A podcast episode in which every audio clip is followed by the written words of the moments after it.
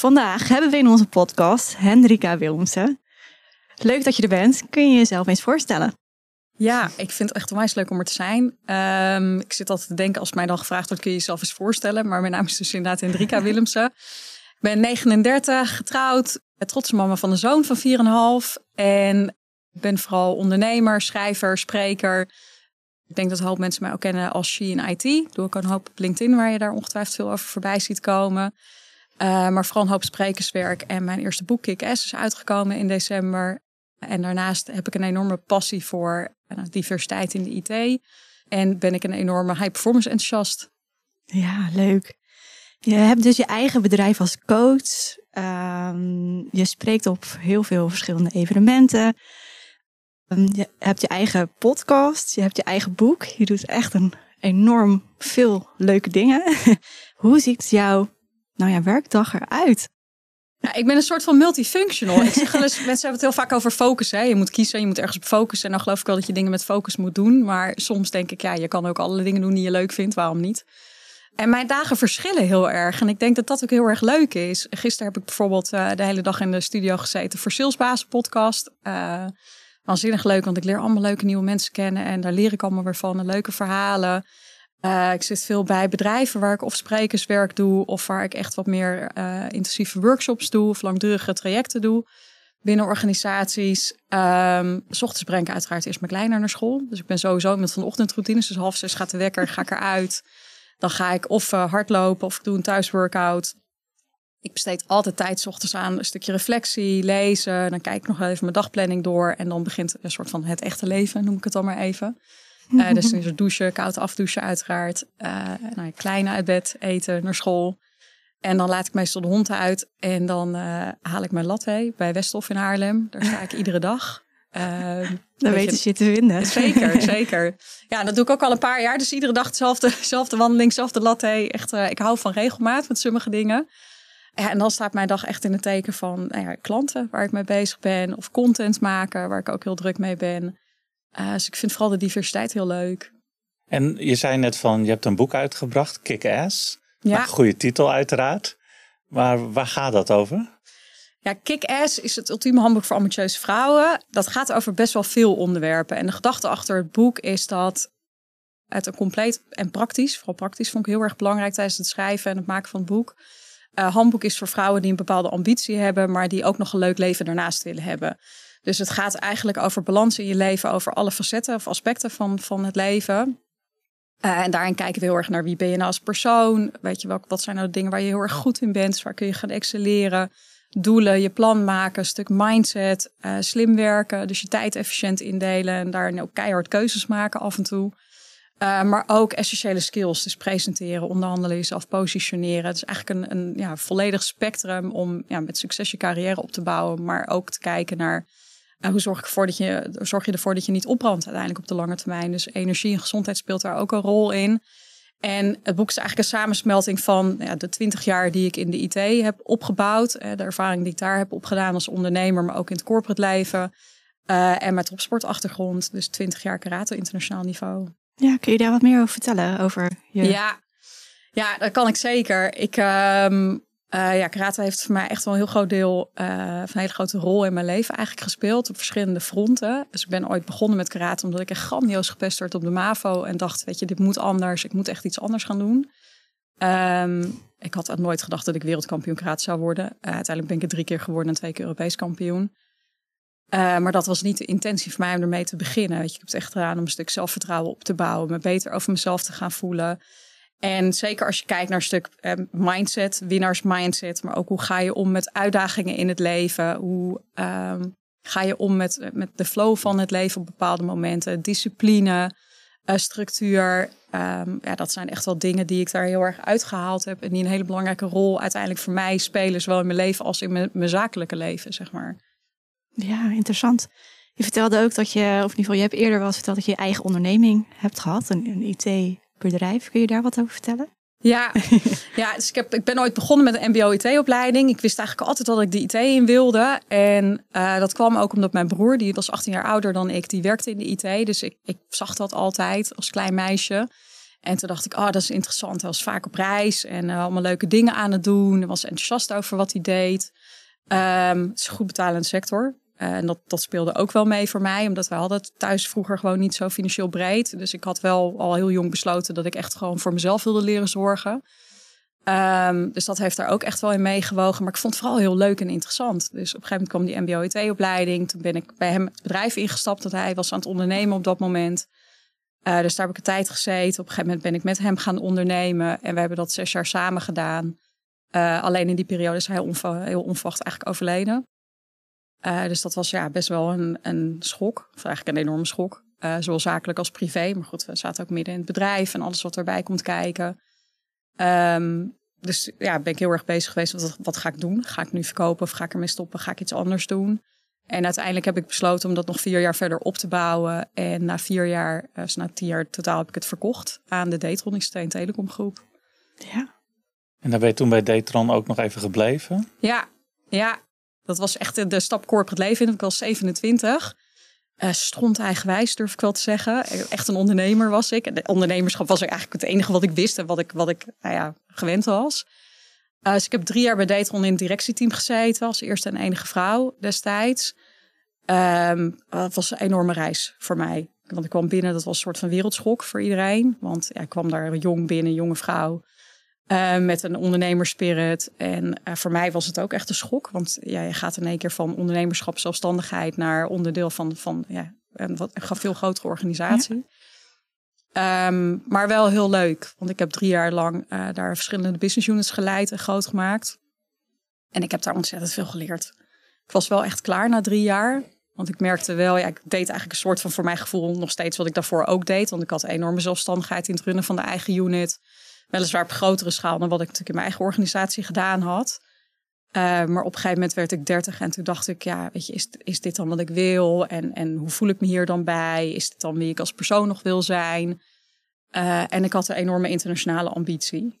Uh, dus uiteindelijk heb ik toen na drie jaar ontslag genomen en ben ik vertrokken. Ja. En toen? en toen, ja, toen was daar VMware. Uh, dus ik heb daarna een kleine twee jaar bij VMware gezeten voor, uh, uh, als overlay sales for services. Dus voor, voor transformatietrajecten binnen global accounts. En dat vond ik echt fantastisch om te doen. heb dat echt met heel veel plezier gedaan. Ehm, bij een aantal Noord-Europese klanten. Alleen mijn probleem bij VMware werd op een gegeven moment een beetje... Ze zeggen wel eens, je wordt, je wordt als sales al snel slachtoffer van je eigen succes. Dus deed heel goed. Wat resulteerde dat ik een target kreeg wat zeven keer hoger was dan een ander. En op een gegeven moment voelde dat voor mij gewoon niet meer goed. En uh, toen ben ik uiteindelijk bij Nutanix terechtgekomen, waar ik eigenlijk de laatste 4,5, 5 jaar van mijn corporate carrière gezeten heb. Um, met name gericht op centrale overheidsklanten, ook transformatietrajecten daarbinnen. Um, en toen begon het toch weer te jeuken. Je eigen bedrijf. Ja. ja. ja, toen was er toch weer een beetje dat ondernemerschapsbloed. Ja. Wie zijn het uh, in het begin van, voordat je dus die uh, ICT, MBO-ICT deed en de ICT-sector ja. inrolde, dat je eigenlijk misschien als voorbeeld wel had je broer die dat deed en dat, uh, nou, dat inspireerde. Is, is het daarom ook belangrijk dat, dat er nu zeg maar rolmodellen zijn, zeker vrouwelijke rolmodellen, in de ICT-sector om, om andere talenten ook aan te trekken? Ja, ik denk dat het echt mega belangrijk is, omdat Weet je, het is een beetje het stomme, want ik ben 39 en ik heb het dan soms wel eens over toen ik wat jonger was in die tijd. Dus dan voel ik me een beetje oud. Um, maar weet je, in mijn tijd was het eigenlijk al een beetje apart. Want toen ik zei ik ga een MBO-IT-opleiding doen. Bij ons thuis was dat natuurlijk algemeen geaccepteerd. Hè? Mijn moeder die juichte dat natuurlijk alleen maar eh, toe. Die, die was er enthousiast over en die, die wist hoe leuk dat was. Alleen ik had ook heel veel mensen in mijn omgeving die zeiden... ja, maar is dat niet voor jongens? Is dat niet te technisch voor jou? Kun je dat wel? Uh, dus best wel wat weerstand. En um, ja, dat maakt het gewoon toch best wel moeilijk voor mensen om die stap te zetten. En weet je, onbekend maakt ook een beetje onbemind. En ik denk dat heel veel uh, ja, jonge, jonge, en met name jonge meisjes, um, gewoon nog niet zo goed weten wat de mogelijkheden zijn. Of überhaupt ja, dat, dat beeld daar ook niet helemaal bij hebben. Je, je ziet gewoon bij jonge meiden dat nog steeds, als ze jarig zijn, ze krijgen al snel de poppen, de keukentjes en de dingetjes. Je wordt al heel snel als meisje toch nog een beetje in die zorgtaak gezet. Um, ja, en als je het niet ziet, dan weet je gewoon ook niet wat er mogelijk is en dat dat kan. En weet je, dat gaat natuurlijk ook naarmate het leven een beetje verder. Want op een gegeven moment, ik uh, ben moeder geworden toen ik 35 was. Dus ik was voor sommige maatstaven een beetje laat, soort van. Mensen gaan op een gegeven moment ook vragen, ja, maar wil je dan geen kinderen? Nou, toen was ik zwanger, dan krijg je de vraag van, oké, maar hoeveel uur ga je dan straks werken als de kleine er is? Uh, nou, toen zei ik, ja, ik blijf fulltime werken. Ja, dan krijg je natuurlijk de blik. Want uh, god, ben je dan wel een goede moeder? En, en hoe zit dat dan? En kan dat allemaal wel? En ja, dat is best wel lastig soms. En ja, voor jonge meiden is dat natuurlijk niet anders. Want die, die, daar zie ik ook al heel snel dat ze dan twijfelen. Ja, maar kan ik dan nog wel een gezin hebben als ik voor een carrière ga? En hoe moet dat dan? Dus ik denk dat het heel belangrijk is dat we, dat we laten zien dat het ook echt anders kan. En dat het ook anders mag. Weet je, dat je andere keuzes mag maken dan wat mensen in je omgeving misschien van jou verwachten. Of waar je traditioneel gezien de, de richting die je ingeduwd wordt, een soort van. Ja, wat dat betreft zijn misschien verwachtingen of denkbeelden ook nog wel echt uh, traditioneel of stereotyp. Ja, ja, dat denk ik wel. En dat verschilt ook wel weer heel erg per gezin en, en de regio waar je vandaan komt. Maar dat zit er echt nog wel een beetje in. Um, alleen, ja, wat ik gewoon heel belangrijk vind, is dat mensen goed, goed begrijpen dat de verwachtingen van anderen zijn. En dat het niet aan jou is om te voldoen aan de verwachting van een ander in je leven. Ja, uiteindelijk gaat het erom dat jij een leven kiest of een levensstijl kiest waar jij gelukkig van wordt. En, en die een, een bepaalde voldoening geeft in waar jij naar op zoek bent in je leven. En weet je, anderen hebben altijd verwachtingen. Want iedereen kijkt naar het leven vanuit zijn of haar eigen referentiekader. En denkt, ja, dat is goed. Maar ja, de definitie van goed voor jou is een andere definitie dan goed voor mij. En dat is oké. Ja. Weet je, zolang je maar niet ja, daar wakker van gaat liggen. Of jezelf in een keurslijf laat duwen om maar te voldoen aan wat anderen van jou verwachten. Ja. Jouw bedrijf, daar coach je ook vrouwen nou, in de IT of vrouwen die een start willen maken in de IT. Waarom is dit zo belangrijk voor jou? Om dat te doen? Of wat is ja. passie daarin? Zeg ja, maar? dat was voor mij natuurlijk ook een beetje de reden waarom ik dacht van ik wil met She IT gaan beginnen. En uh, nog even los van de dingen die ik daar natuurlijk omheen doe. Uh, ik zie gewoon dat te veel vrouwen zich nog laten tegenhouden. En niet gaan voor datgene wat hun gelukkig maakt. Of zich redelijk snel uit het veld laten slaan. Omdat ze denken, ja, het is misschien niet voor mij. Of ik kan dat niet. Of ik heb bepaalde keuzes gemaakt in het verleden. Uh, waardoor ik nu niet voor iets anders mag kiezen. Uh, en dat is natuurlijk onzin. Je, je kan natuurlijk op, op ieder willekeurig moment in je leven een andere keuze maken en een andere richting opgaan. En ik zie gewoon dat te veel vrouwen zich eigenlijk nog kleiner houden dan dat ze zijn. en dat vind ik zonde. Dat vind ik gewoon rete zonde. Want ik weet gewoon hoe leuk de IT kan zijn. Hoeveel kansen er liggen. En wat je er als vrouw zijnde uit kan halen. En wat dat voor jou als vrouw kan betekenen. En in het leven wat je leidt. En in de toekomst die je creëert voor jezelf. En misschien voor je gezin. En, en alles daaromheen. En ik vind het gewoon zonde als je voelt, ik wil dat, maar dan toch de stap niet durft te zetten. Omdat je denkt, ja, ik kan niet. Of omdat mensen tegen jou zeggen, ja, dat moet je niet doen. Of uh, risico. Of, uh, ja, dat vind ik gewoon zonde. Ja. En zijn er dan nog bepaalde delen van de IT waar, die, die, waar de kansen het meest voor de, voor de hand liggen? He, zeg, je hebt zelf een route afgelegd bij een aantal bedrijven, aantal sectoren binnen de IT gezien, maar IT is natuurlijk in die zin breed. Ja. Uh, of heel IT uh, eh, biedt voldoende kansen en uh, of zijn er sectoren die opvallen daarin waar, waar, nou, waar je zou zeggen, ga daar nou specifiek naar kijken? Ik denk dat de IT heeft natuurlijk mega veel kansen. Ik bedoel, weet je, als je, als je gaat kijken wat voor, wat voor rollen en mogelijkheden er allemaal zijn binnen organisaties, dan is dat natuurlijk eindeloos. Uh, dat maakt het soms voor mensen, denk ik, ook wel een beetje uitdagend. Want ja, waar ga je in vredesnaam beginnen? Waar ga je voor kiezen? En, en wat past dan bij je? Dus ik denk dat het gewoon heel goed is uh, om eerst naar jezelf te kijken. Van waar, waar word ik nou blij van? Waar ben ik nou goed in? Waar, waar ben ik enthousiast over? Waar heb ik een natuurlijke affiniteit misschien ook voor? En dan te gaan kijken, wil ik meer de technische hoek in? Wil ik misschien meer de commerciële hoek in? Um, wil ik misschien meer de projecthoek in? Om echt te kijken van wat past bij me. En daarin is het ook heel belangrijk dat je gewoon in gesprek gaat met mensen. En, en dat je gaat kijken naar bijvoorbeeld de Dutch Women Tech Community, waar je mensen kan gaan spreken en, en kan vragen: wat is jouw ervaring? Wat zie jij voorbij komen?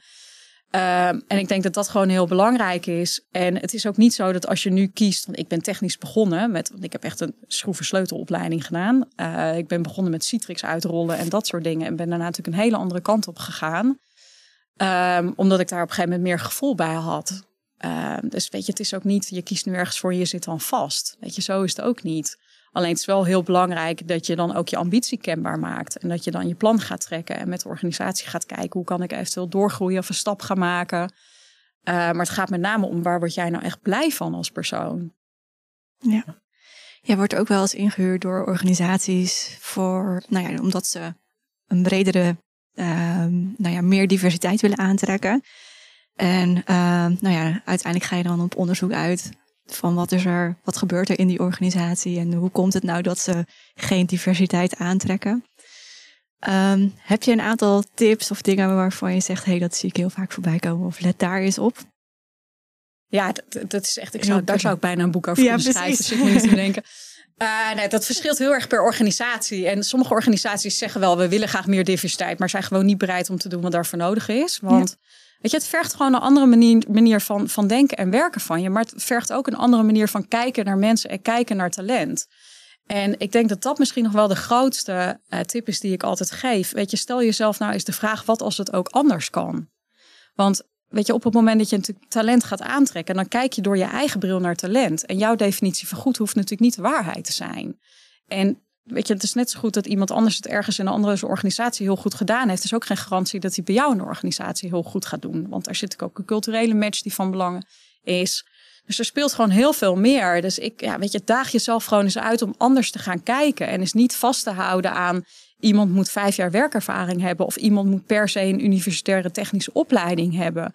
Weet je, skills, kennis en kunde kan iemand opdoen. Maar DNA, dus de motivatie van iemand, ja, dat is een given. En als iemand echt gemotiveerd genoeg is, dan gaat iemand het echt wel tot een succes maken. Omdat, omdat het van binnen goed zit. Uh, alleen heel vaak kijken we daar niet naar. En dan heb je natuurlijk de, ik wou zeggen, de, de standaard dingen, weet je, inclusief taalgebruik, de vacatureteksten die je gebruikt. Uh, de wensen en eisen die daarin gesteld worden, hoe je je organisatie neerzet. Weet je, ik ben een keer gevraagd om ergens te komen spreken over diversiteit. En toen, toen kwam ik binnen en er was één slide die op het scherm stond. Uh, met de titel Diversity. Met alleen maar mannen op de foto. ja, en dan denk ik, ja, daar begint het dan, hè? En dan kijk je op zo'n website, het team, en dan heb je de eerste tien rijen met alleen maar mannen naast elkaar. Ja. En dan ook heel vaak nog, om het maar even standaard te zeggen, de, de middle-aged white guy. Ja, dat is natuurlijk niet divers. Want diversiteit gaat natuurlijk, man-vrouw is, is vaak een makkelijke insteek van diversiteit. Um, alleen het gaat natuurlijk om veel meer dan dat. Het gaat om diversiteit in kennis en kunde, in zienswijze, in culturele achtergrond, in leeftijd. Het gaat natuurlijk over veel meer aspecten dan alleen het stukje gender. En wat ik ook vaak zeg is hè, mensen binnenhalen, diversiteit binnenhalen of divers talent is één ding, maar ze moeten ook willen blijven. Dus je kan nog zoveel diversiteit aan de tafel zetten, maar als mensen niet het idee hebben dat ze gezien en gewaardeerd worden en dat hun, hun input en hun mening ook gehoord wordt, ja, dan gaan mensen keihard weer uitstromen. Weet je, het is, de uitnodiging voor het feestje is iets anders dan op het feestje ten dans gevraagd worden. Ja. Dat is misschien ook het tweede deel van diversiteit en inclusiviteit. Is dat nou ja, je moet wel iedereen eh, een plek geven, mee laten doen, uh, input kunnen laten leveren. En uh, hè, dus inclusiviteit is misschien minstens zo belangrijk als de diversiteitsfactor. Ja. ja, nog belangrijker bijna als je het mij vraagt. Ja, ja. ja mooi. Je doet natuurlijk superveel. Wat zijn jouw dromen en doelen voor nou ja, de komende periode. Zijn dat, heb je die? Ja, ja, dat is een goede vraag. Ja, ik, ik ben dan wat dat betreft misschien wel echt een, rasondernemer. Dus ik, ik vind heel veel dingen ook leuk. Dus ik hou mezelf een beetje kort.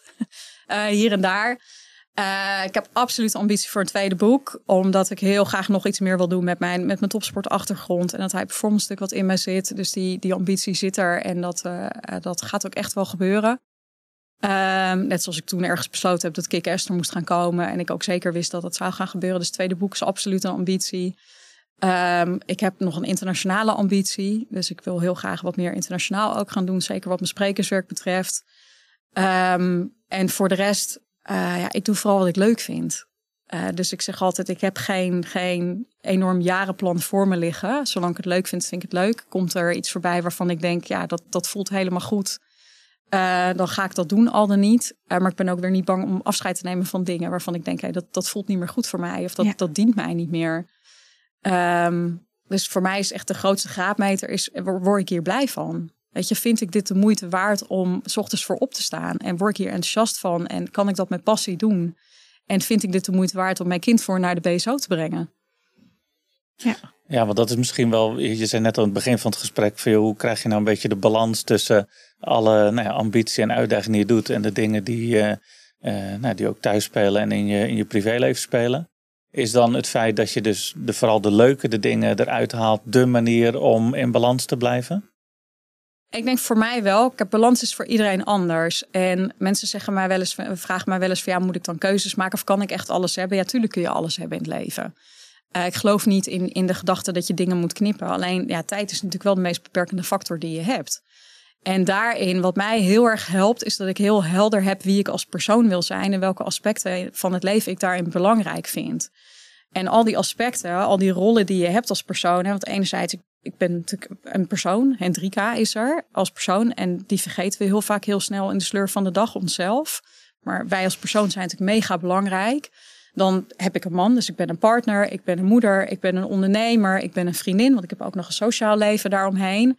En voor al die rollen die ik heb of die ik een plek wil geven in mijn leven, heb ik heel erg bepaald wie wil ik zijn als persoon. Dus ik kies ervoor om kwalitatief een goede moeder te zijn. Dus ben ik er voor Benjamin, dan ben ik er ook echt zoveel mogelijk voor hem. En doordat ik dat weet, vind ik het ook een stuk makkelijker om keuzes te maken. En om soms keihard nee te zeggen tegen dingen. Uh, en om ook echt de juiste prioriteiten voor mezelf te stellen. Is dat soms hard? Ja, misschien. Weet je, als je met mij wil afspreken, dan is de kans groot dat je over drie weken aan de beurt bent als vriendin. Ja, dat, dat, omdat ik ook nog eens een keer heel erg kijk naar mijn energieniveau. Weet je, ik ben er wel iemand, ik ben een soort sociale introvert. Dus ik plan niet mijn hele weekend vol. Bij voorkeur maar één dag en de andere dag niet.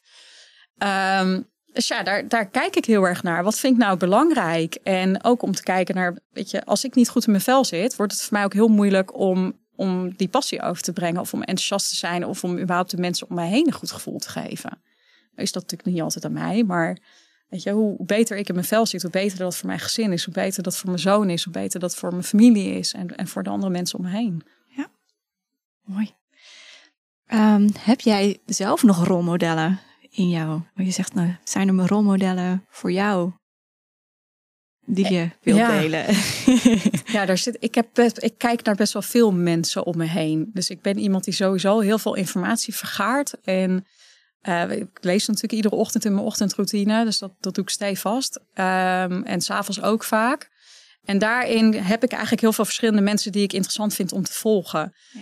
Uh, soms zit dat wat meer aan de vitaliteitskant. Soms zit dat wat meer aan uh, de vakinhoudelijke kant. Uh, soms zit dat wat meer aan de kant van, van andere elementen van mezelf die ik wil ontwikkelen. Um, dus ik heb eigenlijk een verzameling van mensen waar ik naar kijk. Ik moet wel zeggen, ik volg alleen mensen op social media waar ik enthousiast van word. Waar ik een positief gevoel bij heb. Alles wat een andere rol speelt of waarvan ik denk dit brengt iets met zich mee wat mij niet op een positieve manier dient. dan neem ik daar heel snel afscheid van. Ja, mooi. Ja, nou ja, daar kunnen we denk ik ons allemaal wel herkennen. Social media kan ook wel giftig zijn soms. Dus ja, uh, als je het op een goede manier inzet, dan brengt het wat. Nou kan ik me voorstellen dat uh, de vrouwen zijn die ja, de IT in zouden willen of ook een ambitieuze carrière uh, nastreven. Wat, wat zou dan een advies zijn wat je ze nu zou kunnen meegeven of willen meegeven? Ga je vooral oriënteren. Uh, maar ik noemde het net al, weet je, de Dutch Women in Tech Community is daar ook een mooi platform voor. Ga vooral met mensen praten. Ga netwerken. Ga kijken welke mogelijkheden er zijn.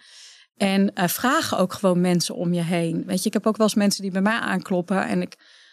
Ja, dat, dat, dat me echt een soort van vereerd. Want dan krijg ik een berichtje op LinkedIn. Ik heb heel erg lang nagedacht of ik je een bericht zou sturen. Of je daar wat tijd en zin in hebt. En als ik te veel ben, hoef je me niet te reageren. En dan denk ik, ja, Weet je, tuurlijk mag je mij altijd een berichtje sturen. Weet je, je krijgt altijd een antwoord. En, en zo zijn er superveel mensen om ons heen die heel erg bereid zijn om te helpen. Eigenlijk veel meer bereid dan dat wij vaak denken dat ze zijn. Dus ga je vooral oriënteren. Ga met mensen in gesprek. Ga kijken wat de mogelijkheden zijn. Um, en ja, wat ik zeg, daarin, daarin zijn zoveel opties om je goed te laten voorlichten. Uh, maar voel je gewoon, als je iets diep van binnen echt voelt, hè, als je voelt van ik wil dit echt heel erg graag gaan doen of ik wil iets in mijn leven gaan veranderen, als die motivatie maar groot genoeg is, dan vind je altijd een manier om iets werkend te krijgen. Puur vanuit die motivatie. Dus als je nou voelt, hij gaat er gewoon voor. Weet je, er, er is bijvoorbeeld ook een Equals in Amsterdam waar ze mensen gewoon omscholen en daarna het bedrijfsleven in kunnen. Uh, en zo zijn er zoveel organisaties. En weet je, vind je dat nou lastig? Vraag dan aan mensen wat zijn nou de verschillende mogelijkheden. Dus sta je niet blind, verdiep je vooral, uh, maar ga vooral gewoon. Weet je, wat is het ergste wat er kan gebeuren? Nou, geweldige tip. En ik denk dat de tweede tip zal zijn ongetwijfeld van lees het boek, want daar, uh, daar staan nog meer tips in. nou ja, dat sowieso. Ik, ja, als ik het zelf zeg, en iedereen zegt dat ik over zijn eigen boek, maar ik ben echt, echt heel trots op mijn boek, want ik vind het echt een parel. Ehm, wat voor mij in het boek heel erg belangrijk is, het is heel praktisch. Dus ik schrijf niet alleen wat je moet doen, maar ook hoe je het kan gaan doen. En dat vind ik heel erg belangrijk, want de wereld is gevuld met allerlei advies over wat. Maar heel vaak blijf je dan achter met het gevoel, ja, maar hoe moet ik dat dan gaan doen? En uh, weet je, dat, dat zit absoluut in het boek verweven. Uh, weet je, je krijgt er 25 templates bij. Je kan ook echt aan de slag. Uh, dus ja, boek zeker. maar begin vooral bij kijken, weet je, wat, wat wil ik? Waar word ik blij van? En, en neem vooral afscheid van al het juk van anderen wat, wat jou tegenhoudt. En wat je eigenlijk kleiner houdt dan dat je bent. Of dat je voelt dat je kan zijn. Ja. Nog, um, ik weet dat er natuurlijk ook heel veel vrouwen die al werkzaam zijn in de IT graag andere vrouwen willen inspireren. En jij doet dat ook superveel. Zijn, wat voor, heb jij bepaalde tips waarvan je zegt, hey, dat zou je kunnen doen? Uh, voorbeeldje is bijvoorbeeld VHTO, uh, wat ik weet dat jij doet. Zijn er nog meer van dat soort tips? Ja, VHTO is, is echt een fantastische organisatie als je mij vraagt. Want dat, dat, hij richt zich ook heel erg op voorlichting vanaf de basisschool al. En dat is natuurlijk wel waar het uiteindelijk begint. Um, dus dat is een heel mooi initiatief. Uh, hij zorgt vooral dat je zichtbaar bent. Weet je, laat dingen van jezelf zien op social media. En um, weet je, ja, er zit een donkere kant aan social media hier en daar. Aan de andere kant, er zijn heel veel mensen die daar wel op kijken en die wel op zoek zijn naar inspiratie en naar rolmodellen. En heel vaak denken we, weet je, vorige week zei iemand dat ook nog tegen mij. Ja, maar wie zit nou op mijn verhaal te wachten? Ja, iedereen zit op jouw verhaal te wachten. Want er zijn er heel veel out there die juist die inspiratie of dat setje nodig hebben. Of die denken, is het dan gek waar ik doorheen ga, waar ik tegenaan loop? En als je juist laat zien weet je, dat het erbij hoort en, en dat er ook andere mensen zijn die in, in dezelfde journey zitten, dezelfde dingen meemaken, tegen dezelfde dingen aanlopen. Um, ja, dat, dat zorgt er juist voor dat mensen zich ook versterkt voelen. Uh, dus zorg gewoon vooral dat je zichtbaar bent en, en um, dat je een beetje scheid hebben aan de mening van anderen hier en daar. Het af en toe een beetje van je af laten glijden, hoe moeilijk dat soms ook is. Um, maar ook dat hoort er soms een beetje bij. Ja. We hebben nog uh, twee enveloppen voor je. Je mag er eentje uitzoeken. En er zitten vragen in die je niet uh, uh, weet van tevoren.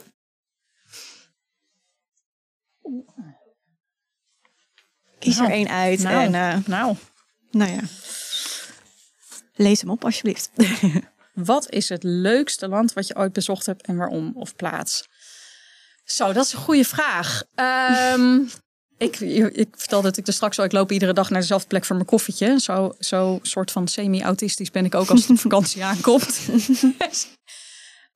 um, ik denk dat voor mij wel, uh, en dat klinkt een beetje cliché misschien. Uh, ik, sinds ik 12 ben, gaan wij ieder jaar op vakantie naar Portugal. Altijd naar dezelfde plek. Ik ben nu 39, dus reken uit. Um, dat, dat is homecoming voor mij. Dat, dat voelt heel fijn. Weet je, want ik vind vakantie. Um, is, is voor mij echt voor ontspanning. Ik vind niks zo lekker als de hele dag in een, in een bikini met een strandjurk en, mijn voeten in het zand te lopen. Zonder make-up op de hele week en, en heerlijk niks doen. Um, maar ik denk dat voor mij het, het fijnste land is toch wel Ibiza. En dan niet voor de feestjes, uh, maar heel erg voor de chille vibe die daar zit. Um, weet je, het, het is allemaal heel easygoing. Het is daar een stuk minder stressvol dan het hier eigenlijk in Nederland is. Alles kan, alles mag, um, maar wel op de juiste plekken. Dus ik vind wel wat ik zeg, ik ben niet uh, enorm van de feestjes en de dingen. Dus dat absoluut niet. Uh, maar de, eigenlijk de, de kant van het land die heel veel mensen niet zien. Uh, ja, die heb ik wel de afgelopen vijf jaar enorm omarmd. Leuk.